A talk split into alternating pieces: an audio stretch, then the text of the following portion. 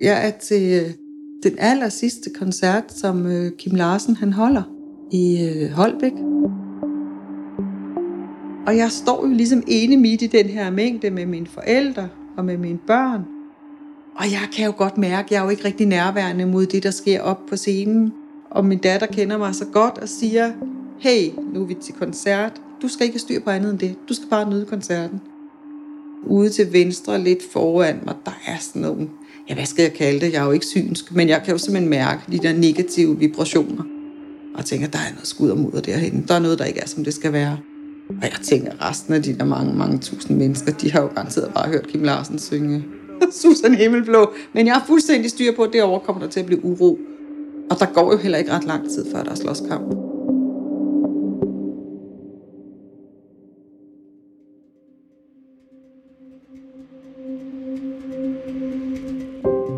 For mange af os kan det være svært at slippe arbejdet, når vi har fri. Det hele flyder sammen, og derfor får kroppen aldrig ro. Sådan var det også for Malene Falk, og efter mere end 20 år i psykiatrien, så skiftede hun patienter, kolleger og alarmen ud med lær mellem fingrene. I dag laver hun keramik. Det er jo meget sund medicin for ligesom at komme væk fra alt, hvad der foregår fra halsen og op efter, ikke? Det har krævet flere ting at indrette sig på den måde, for samtidig skal der også penge til at få det hele til at køre rundt. Så hvordan har Malene gjort? Historien begynder lige præcis på det sted, hvor hun bruger størstedelen af sin tid. Min kollega Louise Ravndal er taget på besøg i værkstedet med Lea. Så har jeg nemmere, hvis jeg kan få lov at stå og røre ved ting. Så nu, nu har du lige taget to af de ting, du har lavet op her på, øh, på dit arbejdsbord. Hvad er det, vi har stående her?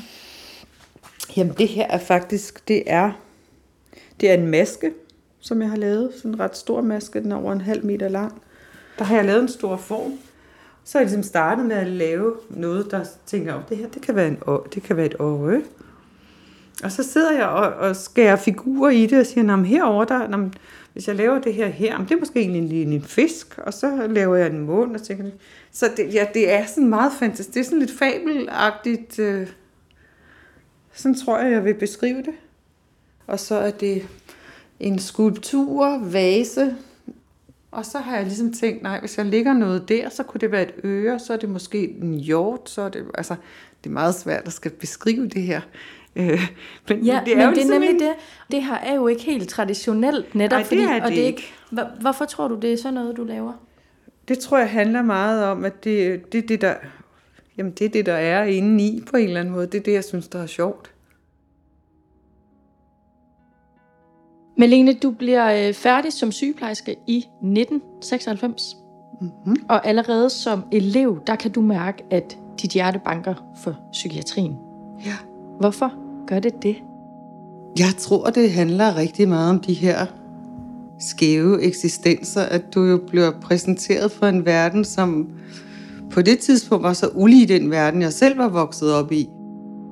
Når mennesker eksempelvis er psykotiske, de rummer jo verden mere eller mindre, end alle vi andre vi gør. Og jeg tror, det er det, der sådan drager mig. Det er, at de viser en sårbarhed, øhm, og de viser sider af sindet, som vi andre har lært at, hvad kan man sige, øhm, håndtere, undertrykke, indrette efter, hvad samfundet forventer af os. Og det synes jeg er spændende, for det kunne til enhver tid være dig og mig. Hvordan er det så for dig at arbejde i psykiatrien? Og hvordan er det at møde de her mennesker? Altså alt det, du havde forestillet dig? Jeg synes, det er meget, meget mangfoldigt. Og det holder jeg, og det har jeg holdt utrolig meget af så har det jo haft en kæmpe betydning, at jeg ved, at når jeg møder på arbejde, så har jeg, hvad enten jeg ligesom får afregning ved kasse 1 eller ej, så har det en betydning, at jeg møder op på mit arbejde, at jeg har en betydning for de her mennesker, i form af at hjælpe dem til at klare den, den dagligdag, de måtte, øh, de måtte have, eller, eller klare det, de står i lige nu. Det har givet en enorm tilfredsstillelse at, at, at være i situationer, hvor man tænker, her er der et medmenneske, som har brug for hjælp.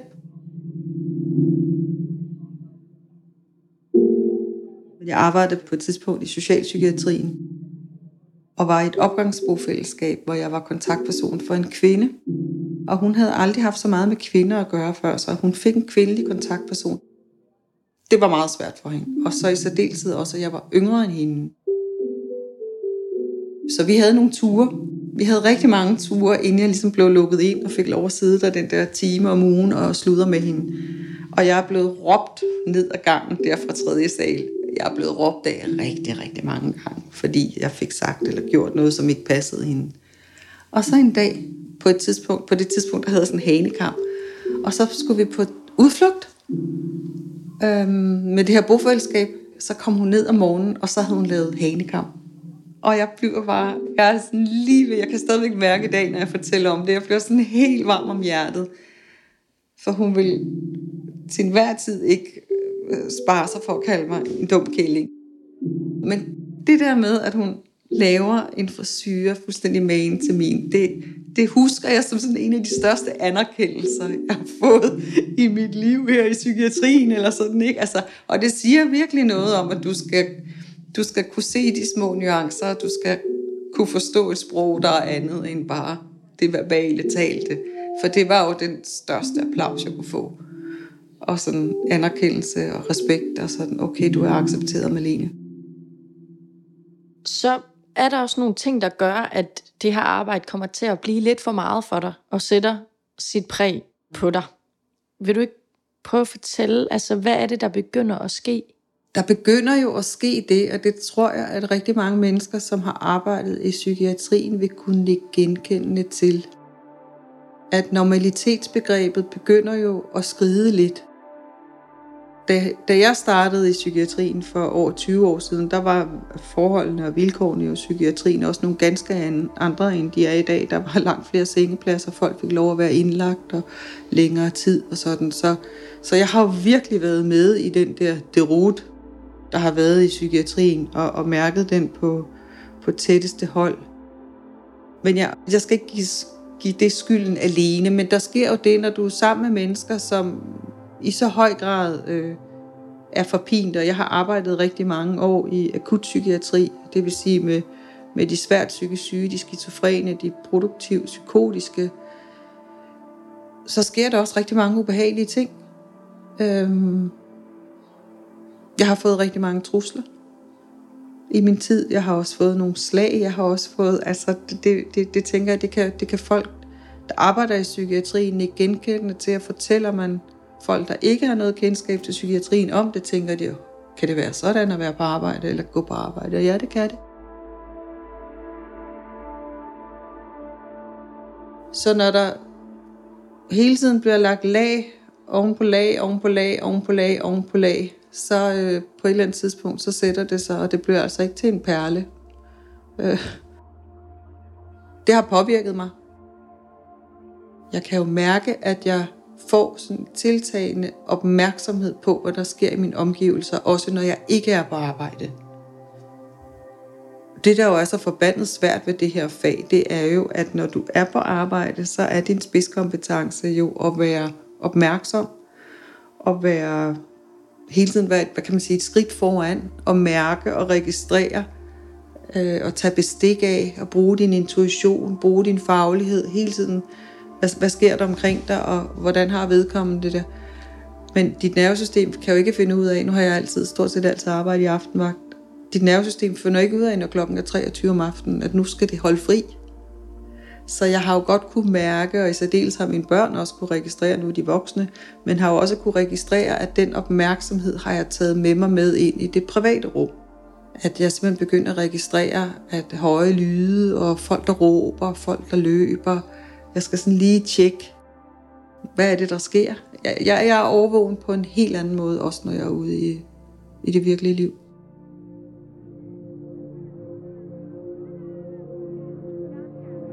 Jeg skal mødes ved, med min veninde inden ved, øh, lige ved begyndelsen af strået. Vi skal ned i Grand Teater og se en kunstfilm. Og det er, jeg tror, jeg, altså det er i vintermånederne, fordi det er mørkt og sådan lidt grimt vejr. Og så står jeg der ved 7-Eleven lige i starten af strået. Og så er der bare rigtig meget gang i den ude foran 7-Eleven. Som der jo er en lørdag aften, og der er råben og skrigen, og der er også nogen der, som er altså aggressive, måske påvirket, måske psykotiske, hvad ved jeg. Et eller andet er der i hvert fald. Så der er sådan tumult. Og der kan jeg simpelthen mærke, at jeg får, jeg får det så skidt. Det var ikke et angstanfald, men jeg tror, det er det tætteste, jeg nogensinde har været på et angstanfald. For pludselig går det op for mig. Jeg har jo ikke styr på en skid. Så der får jeg det faktisk rigtig skidt, og der ringer jeg til hende og siger, hey, hvor er du henne? Nu må du altså se at komme, fordi det her, altså, jeg har det helvede til lige nu. Jeg, jeg, jeg, vi bliver simpelthen nødt til at være sammen, og vi skal ind i den der biograf, og du ved, sådan, så I ligesom ved. Der kunne jeg mærke den der følelse af, at, at igen det der skud af adrenalin, hvor man bare sådan begynder at ryste, og hvor maven den bare sådan slår knuder. At ligesom man begynder at stå Man kan jo ikke se, at man ryster, men det føles som om, det sidder indeni. Ikke? Det er jo noget pudsigt noget, når man bliver ramt på den måde, som jeg er blevet ramt af det her arbejde. Det er jo noget med, det sker jo lidt i etapper, og jeg bemærker det jo måske ikke så meget selv. Jeg tror egentlig mere, at det er mine omgivelser, der, der ligesom ligger mærke til det, at jeg sådan har trukket mig mere og mere. Siger de noget til dig? I særdeleshed min datter har jo sagt det rigtig meget, fordi hun, øh, hende og jeg, vi ligner hinanden utrolig meget, så, så, så, så, så hun mærker mig også meget, og hun kan jo i den grad se, altså hun spotter med det samme, hvis jeg ikke er nærværende. Så hun er, hun er helt sikkert en af dem, som har bemærket det. Hvad siger hun til dig? Oh, hun har sagt mange ting gennem tiderne. Hun har sagt til mig, at det er for høj en pris, at øh, hun har sagt til mig, at jeg ikke kan tåle at være i psykiatrien mere. At jeg har givet det, jeg skal give.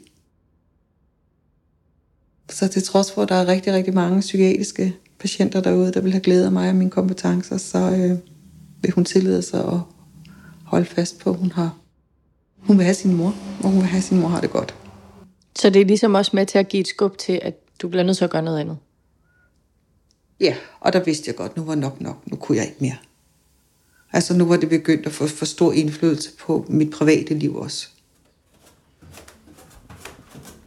Jamen heroppe, øh, der har jeg jo simpelthen lavet, øh, jeg har ikke lavet, men jeg har fået folk til at hjælpe mig med at lave øh, en lille bitte lejlighed, som faktisk er lige præcis på mit gamle pigeværelse. Det er ret, øh, det er ret grotesk. Jeg har faktisk nogle brædder siddende. Prøv at se de her brædder.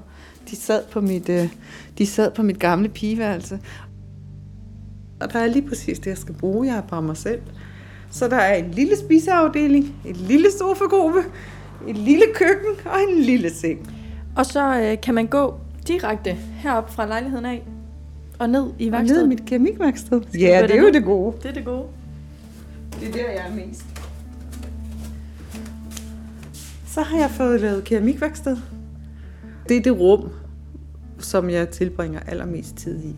Og hvordan er det, det, det er indrettet hernede med sådan et øh, arbejdsbord her i midten? Det er sådan lidt råt-agtigt hernede, ikke? Ja, der er, altså der er støbt, øh, gulvet er ligesom sådan noget råt beton med gulvvarme i. Så er der de gamle bjælker. Det her har jo været i gamle, gamle dage, har det været en gammel svinestal. Så man kan faktisk se i væggen, der er stadigvæk, den er jo så pusset op nu, så er der stadigvæk, hvor, der, hvor de gamle lemme har siddet, hvor svinene gik ind og ud. Så det er en helt gammel svinestal, den her, der er lavet om. Der er stadigvæk de gamle stalvinduer i, som der er sat forsatsruder på. Så det er meget rustikt, og det er meget autentisk, så det er jo, trods det er derfor, det er så dejligt at være her på en eller anden måde. Der er, øh, der sidder noget af den der gamle sjæl i væggene. Jeg, jeg glæder mig til at komme herned. Jeg glæder mig til at lave min tekan og tage den med herned og sætte mig og ligesom række til, og så tænke, nu er der simpelthen nu er der ikke nogen, der skal forstyrre mig. Og så samtidig er der jo gået fire timer, hvor jeg tænkte, hvor blev de af? Så når jeg er her, er jeg meget sådan, så er jeg meget til stede. Når jeg ikke har nogen planer for noget andet, så går jeg herned ved 10-tiden, og så sidder jeg og arbejder. Altså 10 timer, ligesom andre mennesker måske vil gøre på en arbejdsplads.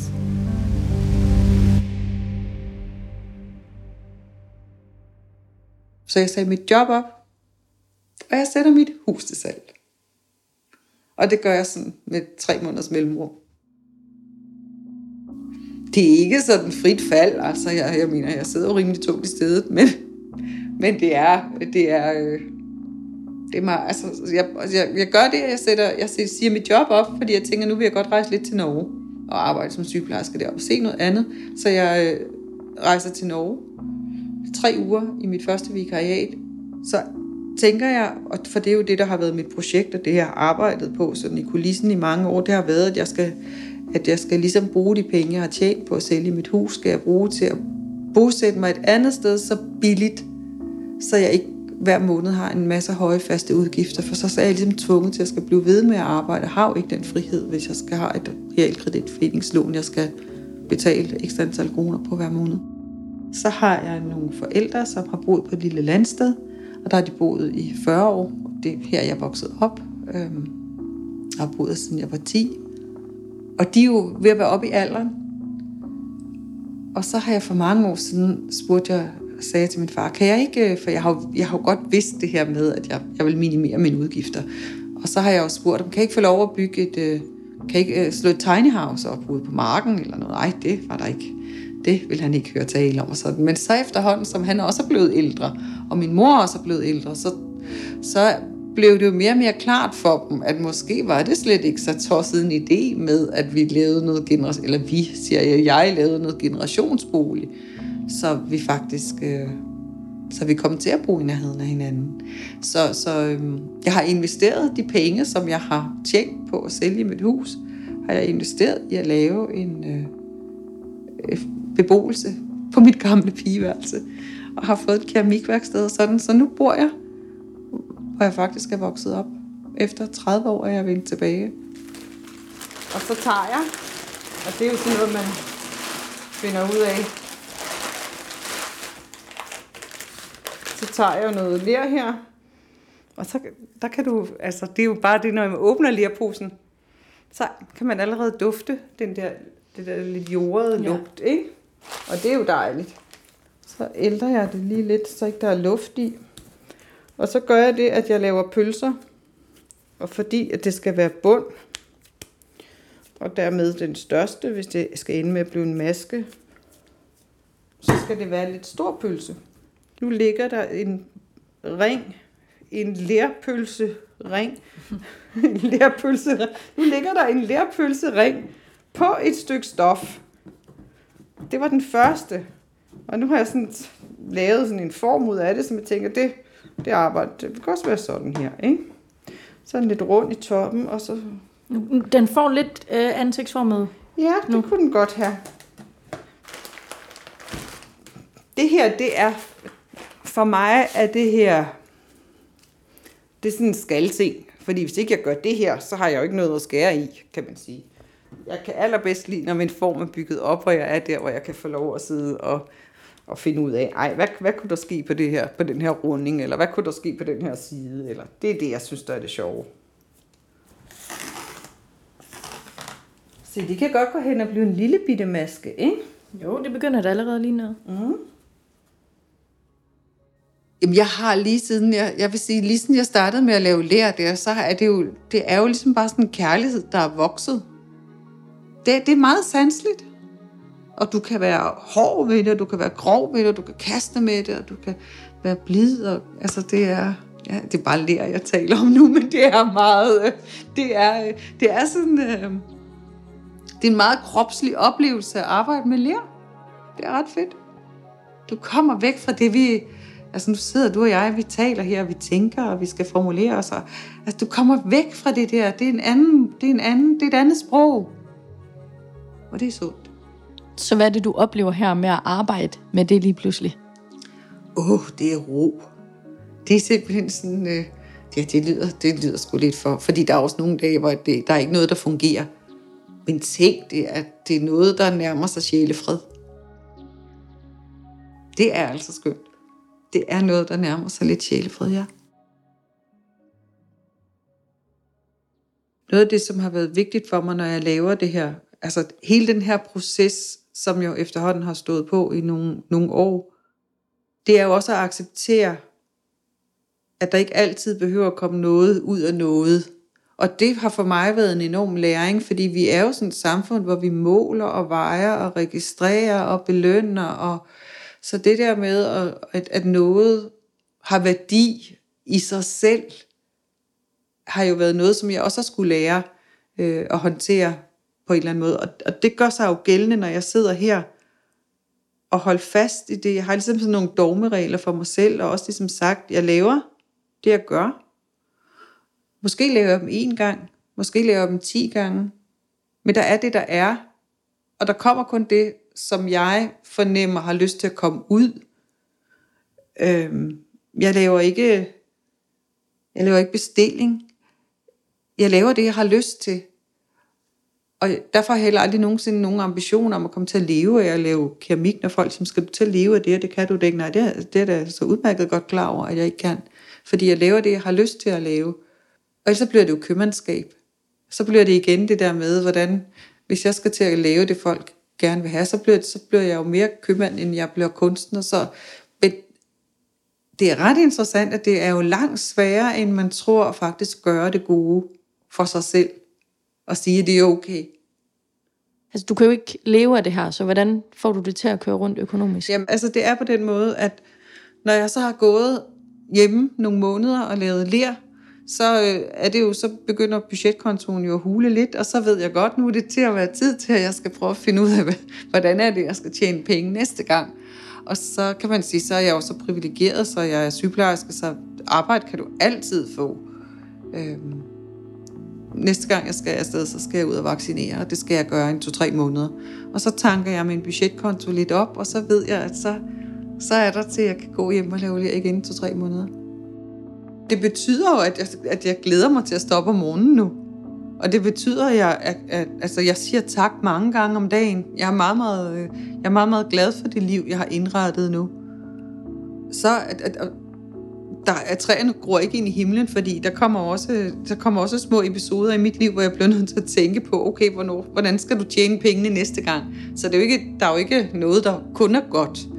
Men det er overvejende godt, og, og den frihed, der er i at kan styre min egen hverdag, og jeg skal ikke, jeg skal ikke indrette hele mit liv efter nogen andre, der har sat nogle arbejdstider for mig. Det er enormt skønt. Øhm. Og hvad betyder det for dig at kunne gå herned i det her værksted og være her og bruge din tid her? Det er jo bare vidunderligt. Jeg kan både lytte til rigtig, rigtig gode bøger, og samtidig så kan jeg sidde med det i hænderne, som jeg holder allermest af. Altså det er jo, det er, det er luksus. Det er altså en gave. Og derfor skal jeg lige vende mig til tanken. Ikke? Jeg er ikke helt landet i den der med, okay, jamen, det er da bare, når folk siger, hvad laver du? Det er jo det første, folk spørger, hvad laver du? Så har jeg ikke, endnu ikke helt fundet ud af, hvad det er, jeg skal sige. Fordi, hvad, ja, hvad laver jeg egentlig? Jeg, øh, jeg træffer min egne valg. Ja. Ja, hvad siger man? Laver keramik? Jeg laver keramik, ja. ja. det er rigtigt, jeg laver keramik. Det er rigtigt. Det gør du jo. Ja, det skal jeg, ja. Det skal jeg vende mig til. Så det, så det er jo stadigvæk nyt. Det er stadigvæk nyt at have kunne give det så meget plads i mit liv. Jeg føler mig meget taknemmelig over de valg, jeg har truffet. Når Malene bliver spurgt, hvad laver du? Så svarer hun, jeg traf mine egne valg. Hey, er det ikke en anelse smukt? Hvor mange af os kan i virkeligheden sige det, at vi har truffet de vigtigste valg med hjertet, og ikke med fornuften, pligtfølelsen eller med udgangspunkt i frygten for at sagt bagud. Marlene hun har drevet af en stor ansvarsfølelse, da hun vælger jobbet som sygeplejerske i psykiatrien. En psykiatri, som alle vi andre har lavet sakke langt bagud fra resten af sundhedsvæsenet. En psykiatri, der hver dag tit tager en lille smule mere hos de ansatte, end den giver, og pludselig en dag kan hun ikke rumme sit job længere. Malene er kommet for langt ud som menneske, for langt væk fra sig selv. Jobbet, hverdagen i psykiatrien, har spist hende. Det virker som om, Malene hun handler mere af nød end af lyst for at finde tilbage til livet. Men heldigvis står hendes gamle pigeværelse klar. En hule, hvor hun langsomt kan finde ind til sig selv igen med fingrene begravet i ler. En hule, der giver Malene ro, fordi hun nu ikke skal præstere ud over det, hun har lyst til. Et sundt og et klogt valg, kan man sige. Jeg synes, du skal blive hængende og lytte til vores næste program. Det handler om Annelise Severinsen, der altid er gået efter et job med prestige. Hun er nemlig vokset op med, at kun det bedste er godt nok. Men hun glemte sig selv. Hun glemte sine egne drømme. Det ændrede sig med en sygemelding og en fyreseddel. Annelise kan du også lære noget af.